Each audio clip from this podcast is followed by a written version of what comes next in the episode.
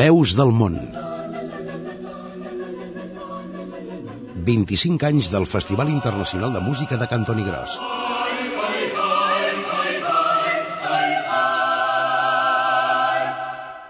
Amb Anna Jové i Albert Torrents. Benvinguts a Veus del Món. Aquí comença una nova edició del programa que celebra el 25è aniversari del Festival Internacional de Música de Cantoni Gros, un espai que fem possible Eduard Arnàs al control tècnic i Anna Jové i Albert Torrents a la redacció i davant dels micròfons. Avui us proposem articular el nostre repàs cronològic a l'entorn de la figura del director coral. Parlarem amb alguns dels directors de grups que han participat en el festival i sabrem quins motius els han dut a viatjar fins a Cantoni Gros. I si hi ha un director que ocupa un lloc d'honor en la història del festival, aquest és un dels seus fundadors i el seu primer director artístic, Àngel Colomer. Recordarem la seva figura en el reportatge que ha preparat, com sempre, Anna Jové.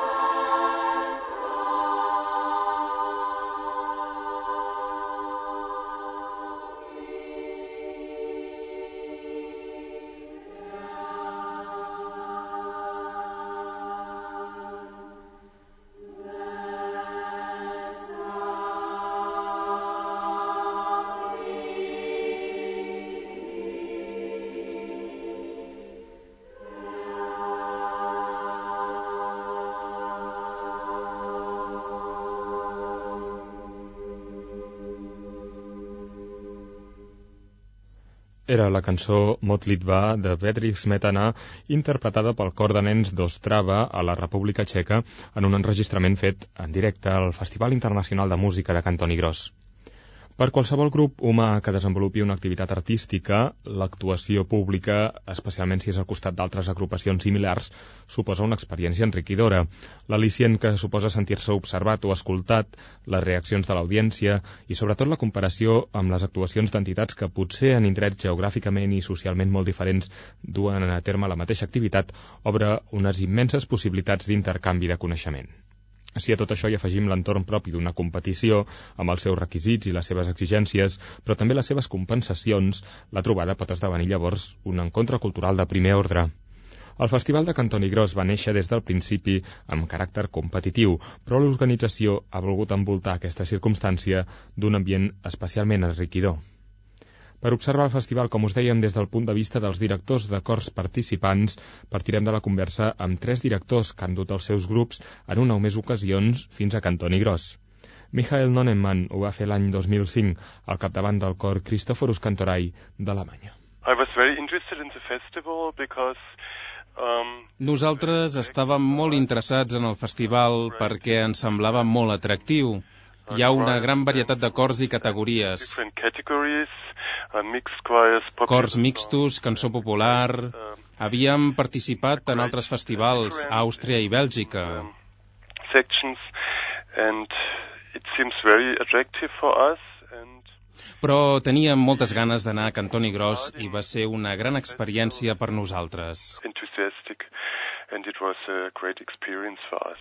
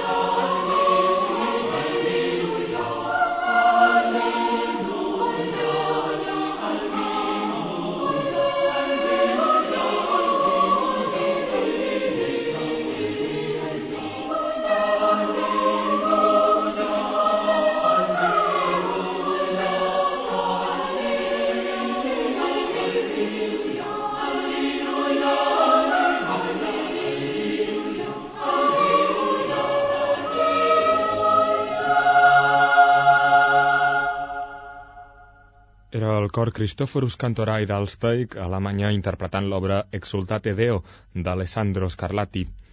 Les motivacions dels diversos grups que al llarg de 25 anys han assistit al Festival de Cantoni Gros han estat moltes i diverses. Uns hi han buscat una distinció artística, altres probablement hagin donat preferència a l'aspecte lúdic i tots de ben segur hi han vist la possibilitat de passar quatre dies en un entorn desconegut però molt atractiu. És clar que per als cors del país Cantoni Gros és ben a la vora. Aquest és el motiu que va dur la Coral Polifònica de Puigreig a participar al festival als anys 1985 i 1986, quan el certamen tenia, per tant, molt poc temps de vida. Ho va fer en la categoria de música popular i llavors encara sota el nom de Coral Joventut Sardanista.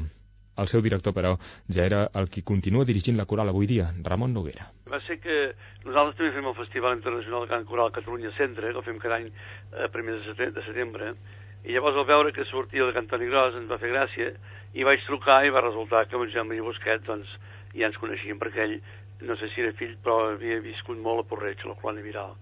I bé, al veure que, que érem gent doncs, de, que veníem del mateix, eh, del mateix poble, hi va haver una certa, diguéssim, sintonia de seguida, eh, vaig anar un dia al seu despatx, vam fer la xerrada, i vam fer molt amics, i, i llavors doncs hi vam participar uns quants anys. La natura del deixent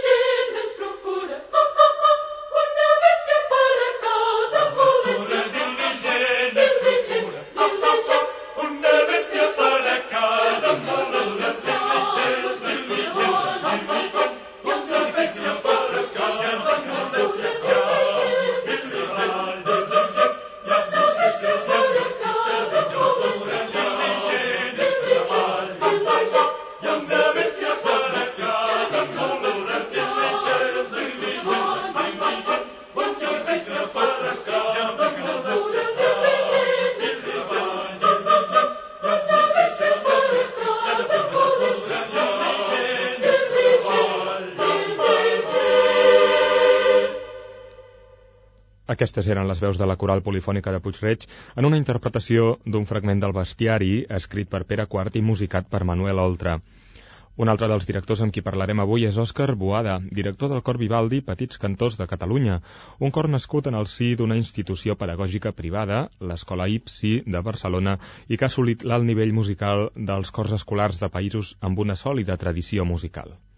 El Cor Vivaldi ha demostrat la seva vàlua en nombrosos certàmens i concursos internacionals de cant coral i va ser present a Cantoni Gros en les edicions de 1995 i 1997. La veritat és que ens hem presentat a Cantoni Gros una mica perquè ja feia temps que alguns deia escolta, aneu a Cantoni Gros, que és un festival que és important i que i vosaltres podeu quedar bé i, i bé, doncs un... va haver un moment que vam dir, doncs va, doncs vinga, ens liem la manta al cap i anem. Era difícil perquè era l'estiu i, i mai havíem fet activitats a l'estiu nosaltres, no? però a veure, així tot ens en liat la manta al cap vam aconseguir aconseguir que vinguessin tots els, els nens, i bé, doncs llavors eh, ens hem presentat al concurs, mm, no sabíem massa bé què, què passaria, jo la veritat és que estava molt i molt i molt acobardit, i vam quedar de segons, eh, segons per darrere d'un cor d'Ucraïna, Simferòpol, eh, d'una escola també, Escola Niegodi, i doncs va, ja va ser un, gran, un grandíssim èxit, no ens imaginàvem pas cada segons que va, que va.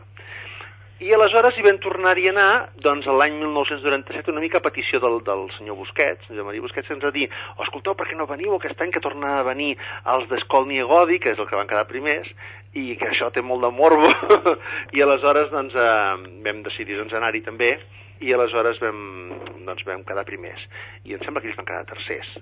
Però bé, mm, tot plegat va ser una experiència molt agradable, que recordem doncs, amb, amb molt de carinyo, perquè el Festival de Cantoni Gros va ser, diguem el primer festival que ens vam presentar, i doncs, després vindrien, en vindrien uns quants més de festivals, i va ser doncs, la primera experiència.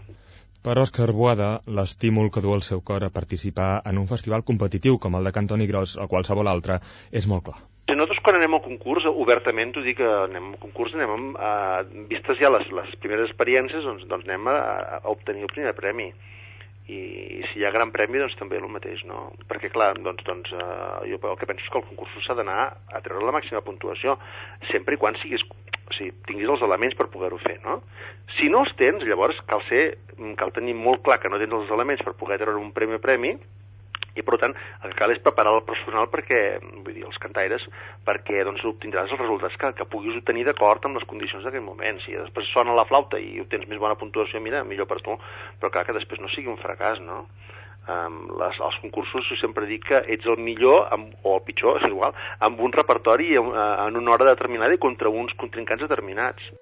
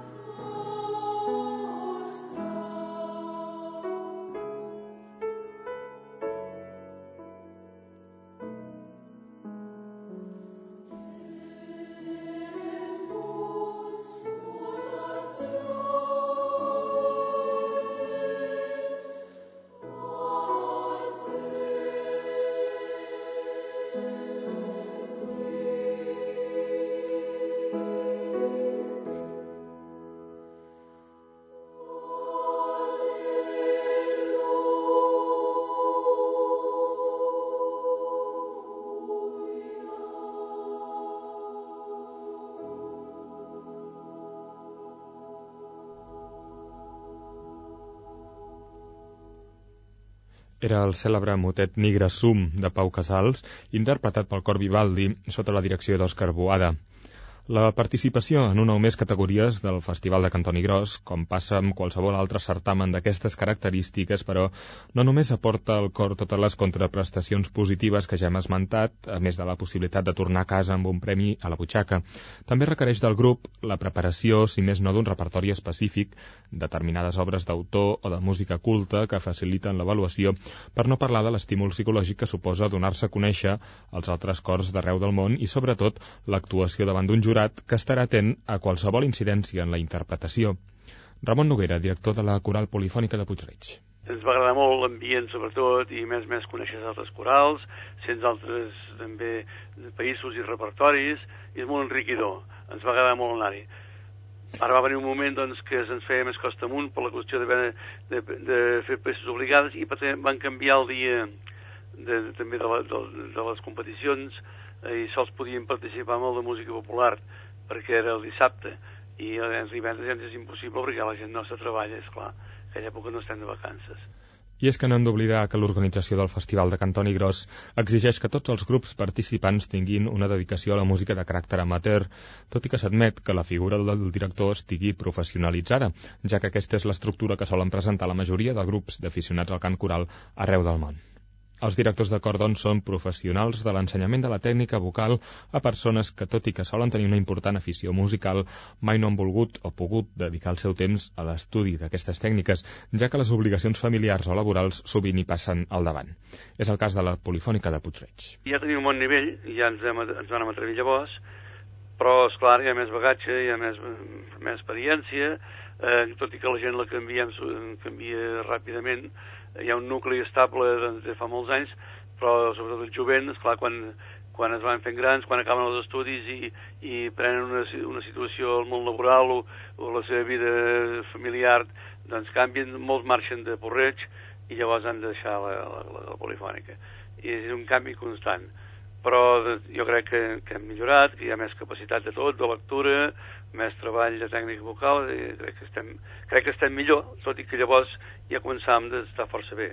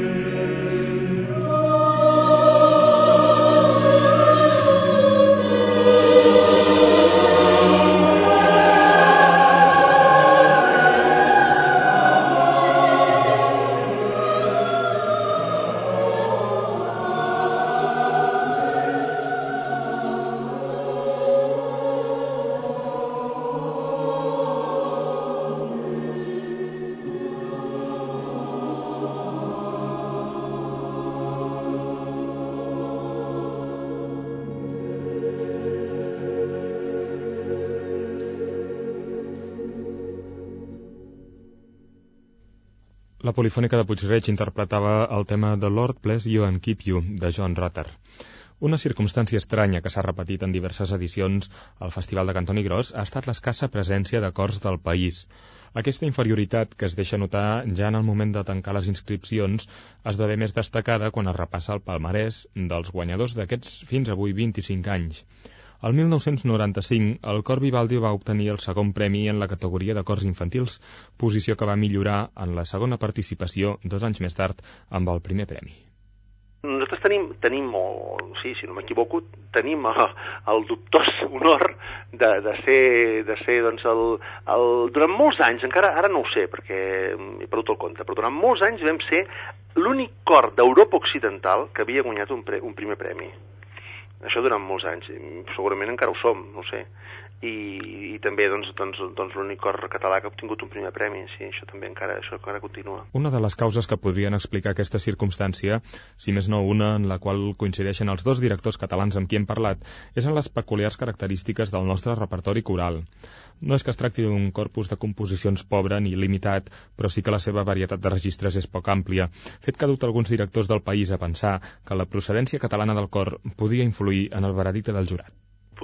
Perquè no, no es, coneixen, es coneixen massa i sembla que cantat en una altra llengua no saps tant el que diuen i, i, i trobes ja per una part eh, la dicció ja, ja, ja, ja no et fa mirar tan prim potser però eh, bé, hi ha un altre aspecte dintre el, can, el competició de música popular que aquest país tenim poc repertori per competir amb certs països. Aquí som una mica massa místics i sembla que els compositors tenen por de, de ser criticats pels col·legues i no s'atreveixen a fer certes eh, obres atrevides i efectistes. En canvi, et venen d'altres països, eh, començant pels filipins i, i, i inclús els, els països de l'est, amb unes obres espectaculars, amb les seves populars, amb dissonàncies, amb, amb, amb canvis de ritme, efectismes a dojo, i, i esclar, s'ho emporten, s'ho emporten. I aquí el primer que, que ens falta és material. No tenim prou material per competir amb aquests. D'aquí ve que jo fes un arrangement de la baixant de la Font del Gat, que, que crec que no em recordo quin premi vam fer, però vam tenir un, un bon premi l'any que la vam cantar. Doncs, esclar, jo aquest arrangement no considero pas que sigui res de l'altre món, però és una mica, va pel camí d'aquests arranjaments que sentia que portaven corals estrangeres.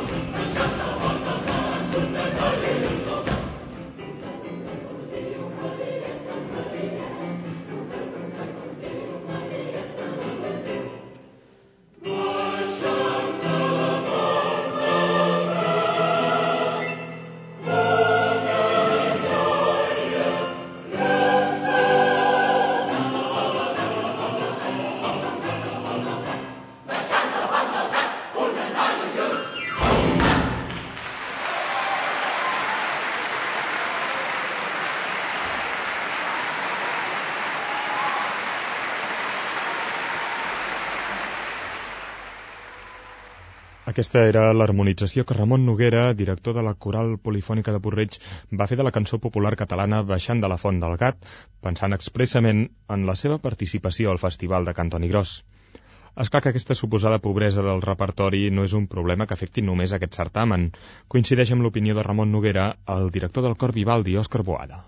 Mira que hem anat a, a, a festivals, eh? mira que hi hem anat a, a concursos, i la veritat és que he conegut eh, poquíssim repertori que sigui mm, interessant. Jo crec que el que més crida l'atenció doncs, ha estat la, la pobresa del repertori. És a dir, el poc interès del repertori que presenten la majoria d'acords um, jo ho trobo francament avorrit. És a dir, trobo que, que els directors en general es pensen molt poc al repertori que portaran a concurs. I el concurs, doncs, doncs uh, sí que hi ha unes obres obligades, però les obres lliures han de ser obres brillants que, que permetin doncs, el lluïment del cor. I moltes vegades no s'hi pensa i es programa qualsevol cosa i això va en detriment del propi cor, no? I tornem a sentir encara Ramon Noguera. Ara, quan la música ja de, que en diuen polifonia, eh, la computació polifònica, aquesta, esclar, clar, aquesta ja tenim, tenim de tot perquè més en tenim d'arreu del món. I aquí també hi ha molta cosa que està molt bé. Però plan, en plan mm, popular tenim cosa molt bonica, però molt sentimental, però no factista ni de massa dificultat per anar a competir en aquests llocs.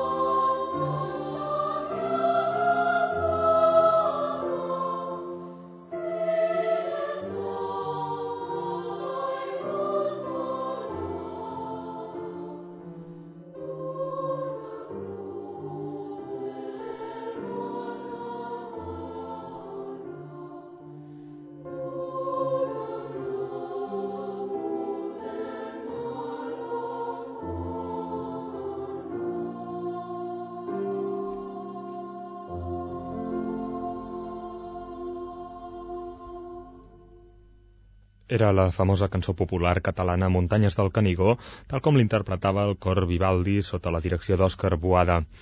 En tot cas, amb un repertori més o menys atractiu, amb la necessitat de preparar obres obligades i de sotmetre's al criteri d'un jurat, el balanç de la participació a Cantoni Gros sol ser sempre positiu. El més important és ser-hi i cantar-hi, i el festival s'encarrega de donar aquesta oportunitat a tots els grups, tant si s'emporten un premi com si no. Això és el que més en destaca Michael Nonenman, que en la seva primera i única visita l'any 2005 va guanyar el primer premi en la categoria de música popular. És una gran motivació pel cor fer grans esforços per competir. Uh, Nosaltres uh, vam guanyar el primer premi, però també hem participat en altres competicions sense guanyar. I sempre és una gran motivació.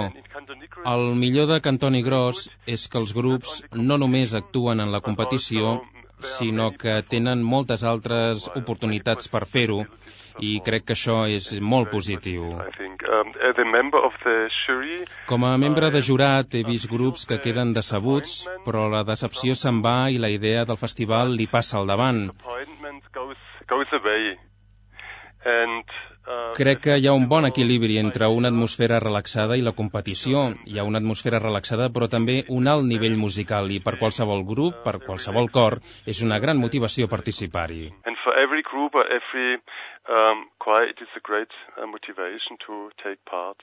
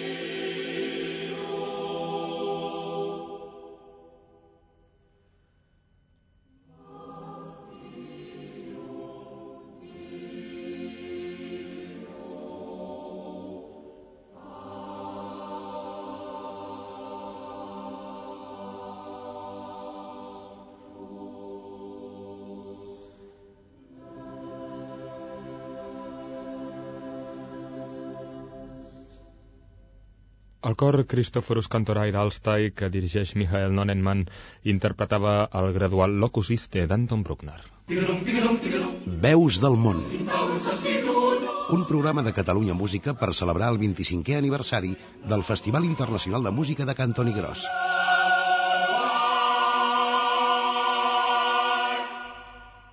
Avui al Veus del Món estem parlant amb directors corals que al llarg d'aquests 25 anys han passat amb els seus grups pel Festival de Cantoni Gros, però si el festival és avui dia una realitat, també és en part gràcies a un director de cor, concretament a qui va dirigir durant més de 40 anys l'Orfeo Laudate i que va ocupar durant les primeres 19 edicions del festival, fins a la seva mort l'any 2002, el càrrec de director artístic. Estem parlant d'Àngel Colomer i avui volem acabar aquest programa amb el retrat que ens n'ha preparat Anna Jové. Bé, la meva relació va venir de molt jove. Jo tenia 15 anys quan el vaig conèixer. L'Orfeo Laudate va ser doncs, la primer, el primer contacte que va ser amb ell. Com a persona, tan petitet que era i tan poca cosa doncs, humanament físic, era un, bueno, un home tan gran, tan gran, que et sorprenia a cada moment amb un humor molt especial, els assajos seus sempre amb, amb acudits que sortien a cada moment. Era una persona entranyable, entranyable. Ja dic, era una, un home que vivia exclusivament per la música. El més amb ell com si no existís. Era una persona extraordinària i com a músic extraordinari també.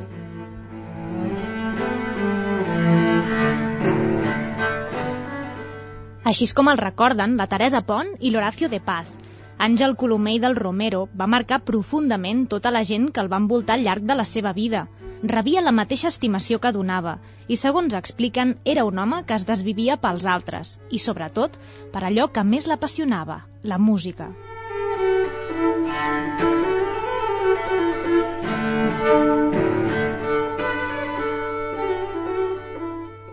Va néixer l'any 1915 a Barcelona i ja de ben petit va demostrar la seva vocació musical. El seu avi, Pau Colomer, va ser el fundador de l'Orfeó de Sabadell i mossèn Batlle, a qui va conèixer al formar part de l'agrupació Escolta Minyons de Muntanya, el va animar a dedicar-se professionalment a la música. De fet, va ser el mossèn el que va ajudar el jove Àngel Colomer a aconseguir el seu primer instrument musical, un violoncel.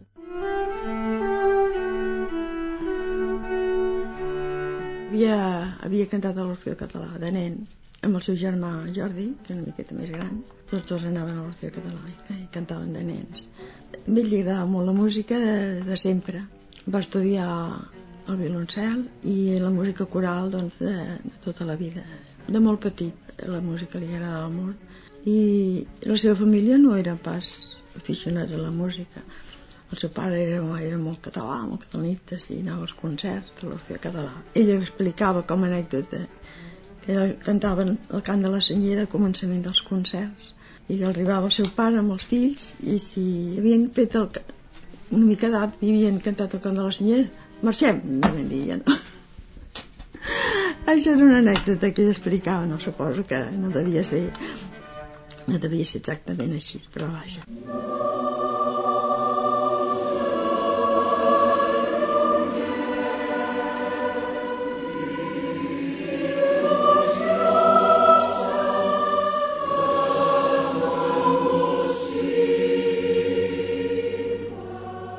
Tal com explica la seva dona, Montserrat Soler, va començar al món coral com a cantaire a l'Orfeó Català i era tan jove que formava part de la corda de veus blanques. Durant anys va compaginar els estudis musicals amb la feina de joier i quan va aconseguir el nivell que desitjava es va dedicar plenament a la música. Així doncs, abans de la Guerra Civil, ja va organitzar els cants religiosos de diverses parròquies i fins i tot va crear el seu primer cor a la Corunya mentre feia el servei militar però el moment més important va arribar el 18 de juny de 1942 amb la fundació de l'Orfeó Laudate. Un Orfeó, clar, que en aquella època, doncs, després de la guerra, eh, ningú volia actuar, ningú volia fer res, però esclar, eh, no, es, no es podien quedar aturats perquè Catalunya necessitava també que la seva cultura es difongués i no quedés tot tancat i va ser quan vam començar a fer concerts. Ben, ell sempre li havia agradat que la cultura catalana es difongués arreu del món.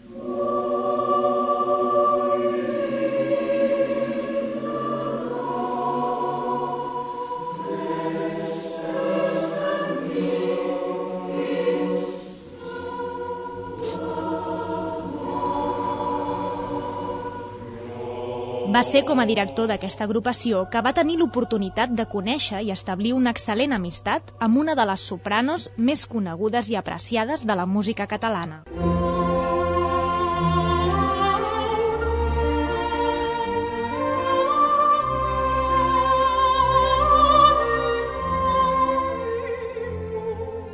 Vam tenir la sort del concert coral sinfònic que va fer amb que pogués cantar a la Victòria dels Àngels, que ell havia sentit amb una audició íntima a casa del senyor Alemanya i va quedar impressionat per la seva veu. I la solista que havia de fer la missa de la coronació eh, es va indisposar i ella es va trobar que tot estava preparat, l'orquestra, els cors, el, el, bueno, el Poble de la Música Llogat i va pensar doncs, en aquesta persona que podria ser que, que li pogués interessar que va a veure bé, I a ell li va fer molta il·lusió perquè, és clar, no havia fet mai eh, una obra així. I a l'assaig general, a vista, pràcticament, el va fer. Es veu que va ser, un, va ser tan interessant i tan, tan sorprenent que els músics es van aixecar i el van aplaudir va acabar l'assaig es veu. I, I des de llavors ella sempre, la Victòria, sempre havia tingut molt bona relació amb nosaltres. Era una gran artista i una gran persona. Poc després d'acabar la Segona Guerra Mundial, Àngel Colomer va decidir portar un missatge de pau i d'esperança a altres països on la guerra havia fet grans estralls. Va ser així com, per primer cop a Catalunya, una formació coral es desplaçava a l'estranger per donar a conèixer la música i la realitat nacional després d'un període difícil i confús.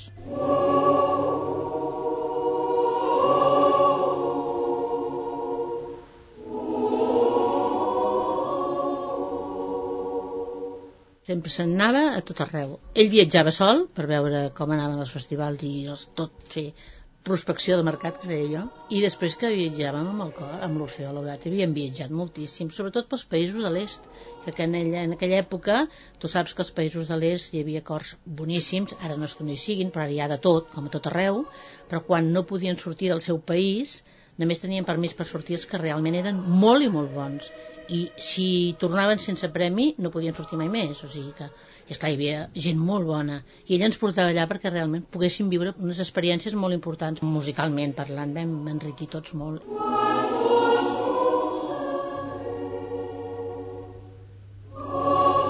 Durant els anys del franquisme va portar a terme una destacada tasca de protecció de la llengua catalana, cantant i fent classes de català quan estava prohibit.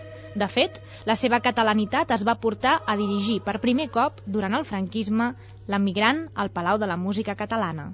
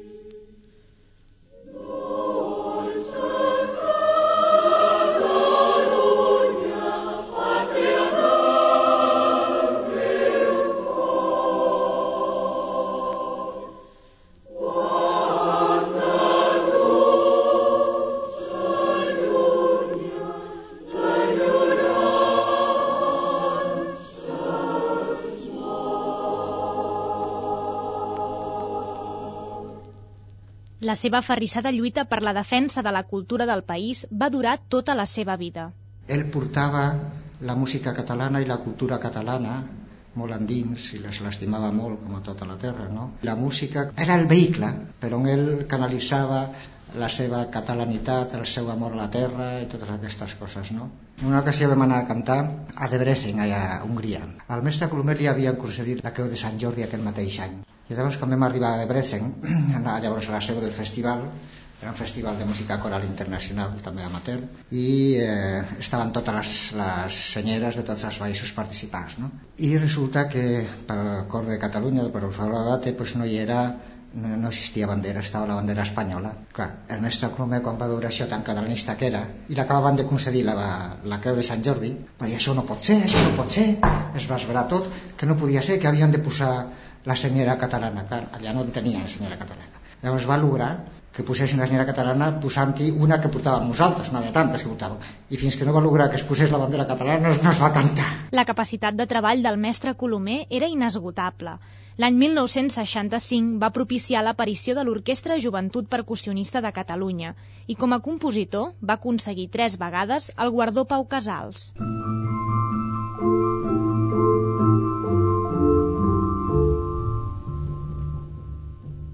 Però els seus esforços no es van limitar a elaborar harmonitzacions per cor i orquestra. També va ajudar a introduir la música a les escoles i va donar a conèixer el repertori tradicional català arreu del món. Era un gran pedagog. Quan estàvem fent els assajos ens posava dins de la música i ens explicava no tan sols les notes, el que eren les notes, sinó el personatge, que això ho fan molts ara ja. Però mm, ell et transmetia la música, te la portava, te, el que ell sabia doncs, doncs t'ho transmetia. I pedagògicament doncs, jo vaig poder observar també amb els petits, tu que tenia l'Orquestra Percussionista de Catalunya i també la manera d'ensenyar-los i de, i de portar-los, és que era un pedagog nat. Era un home molt, molt sol·licitat, havia presidit molts tribunals de, de qualificació dels cors, no? Ell quasi sempre estava a molts, a molts, a molts llocs. A Hongria, a Polònia, a, a Suïssa, a Bulgària... Colomer va ser un històric dinamitzador de la música a Catalunya. Per realitzar aquest gran treball no va escatimar esforços i va fer viatges a l'estranger, en èpoques en què viatjar era molt difícil, i així va aconseguir moltes partitures desconegudes al país. Aquest treball constant va ser reconegut per la Generalitat de Catalunya, que l'any 1985 el va guardonar amb la Creu de Sant Jordi, al capdavant de l'Orfeo Laudate va donar a conèixer en primera audició al nostre país algunes de les obres capdals del repertori sinfònico-coral, com un rèquiem alemany de Brahms, el Judas Macabeu de Händel, l'Estabat Mater de Dvorak o la Missa de la Coronació de Mozart, entre d'altres.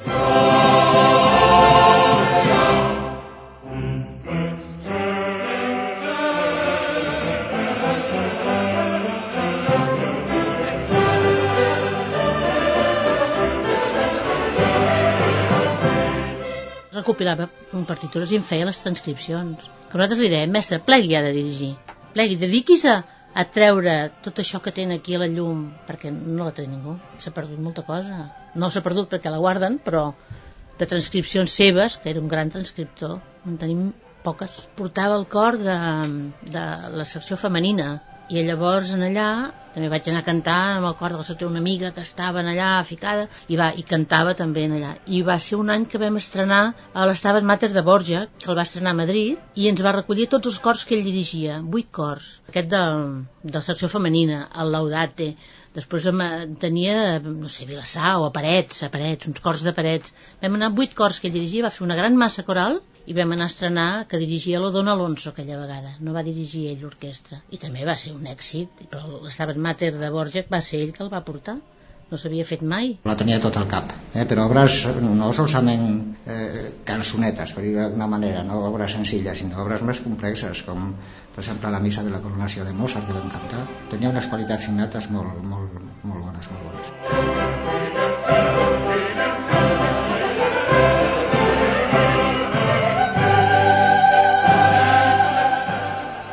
Des de l'any 1983, les seves iniciatives es van abocar a impulsar un dels seus últims i millors projectes, el Festival Internacional de Música de Cantoni Gros. En aquest certamen va executar la funció de director artístic des dels inicis fins a la seva mort.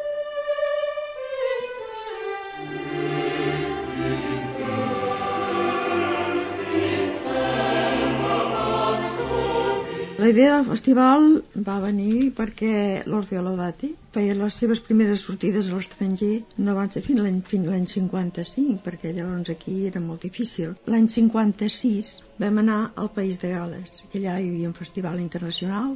Vam quedar meravellats ens va agradar moltíssim. Va ser una, una experiència que ens va impactar. I l'any 81 es va, hi va anar amb l'Orfeo de Cantoni Gros. Ja diu que una imatge val més que mil paraules i que realment doncs, és així. I van anar-hi eh, el director i simpatitzants i, de la Junta i van quedar meravellats com havíem quedat nosaltres sempre i amb l'entusiasme de tots doncs eh, es va tirar endavant. Es va fer el primer festival una, una rèplica, una petita rèplica de Long Holling. Jo del Lucio Laudat he viscut tota l'etapa. Els moments més eufòrics i més bons del, del Laudat els vaig poder viure jo. I ens vam anar a Langolen i en allà doncs eh, saps allò, el festival aquest es fa en un camp, en un descampat enorme, i llavors em dius, escolta, us imagineu un dia que estàvem allà tots vestits de catalanets i catalanetes, en un camp, us imagineu un, a Can Toni Gros, un festival com aquest, i en aquí vam començar amb bromes. Clar, llavors el mestre Colomer va ser doncs, l'ànima, també el director artístic del festival. I mentre va viure va presidir el tribunal també de qualificació i a més per una altra banda ell va ser l'autor, és l'autor de l'himne del festival de Can Toni Gros, el va fer ell.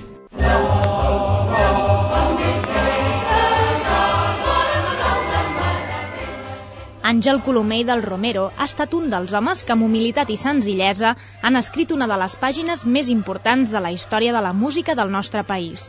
Ha deixat empremta i ha ensenyat a generacions senceres a estimar la música, divulgant-la i fent-la arribar a tots els racons del món de forma entenedora i profunda. Les primeres obres importants que es van fer, que es van portar aquí a Catalunya, les va, les va fer ell, vull dir, el Requiem de Brahms, el Judes Macabeus, i totes les dirigia de memòria tant si hi havia orquestra com si no, tot, ell sempre s'ho estudiava tot i estava per, per l'essència de la música en cada concert. Fora de to no l'he vist mai, mai, mai. Únicament allà de Brecen, quan va sortir tan malament el primer concert que van fer, bueno, la primera participació en el concurs, i al dia següent ens va dir quin desastre, quin desastre. és l'únic. Però fora d'això, de, bueno, ja dic, sortides de to no, no les recordo mai, mai, mai, mai. El que ell ens va transmetre més era que quan feies música l'havies de, d'assimilar totalment. Aquesta gent que, que canta, per exemple, i està morrat a la partitura, no l'entenc, no l'he entesa mai. Vull dir, jo la partitura crec que s'ha de treballar en els assajos i després, quan tu realment l'has assimilada, que te la saps, que, que, que, és, que, és, que te la fas teva, per dir-ho d'alguna manera, que és el que ell ens deia, no? Deixeu-vos de partitures, deixeu-vos de, de, de mosquits.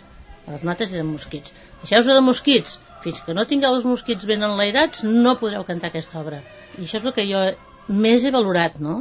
de fer-me realment entendre que, que les coses, evidentment, porto un esforç, per això els assajos s'han d'estudiar. O sigui, no és allò de fer-ho, vinga, ara toca el Judas, doncs vinga, fem el Judas, ara toca això, doncs fem això. No, per mi la música ha estat alguna cosa més, gràcies a ell.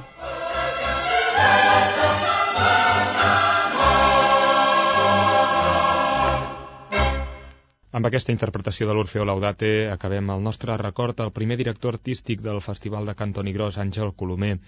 D'aquesta manera, us ho dèiem en començar, completem aquest programa de veus del món que hem dedicat a veure el Festival de Música de Cantoni Gros des del punt de vista de diversos directors que hi han participat.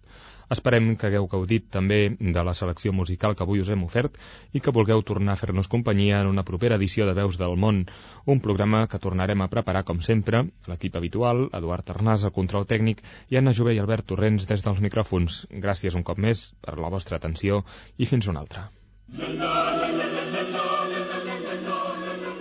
Veus del món 25 anys del Festival Internacional de Música de Cantoni Gros.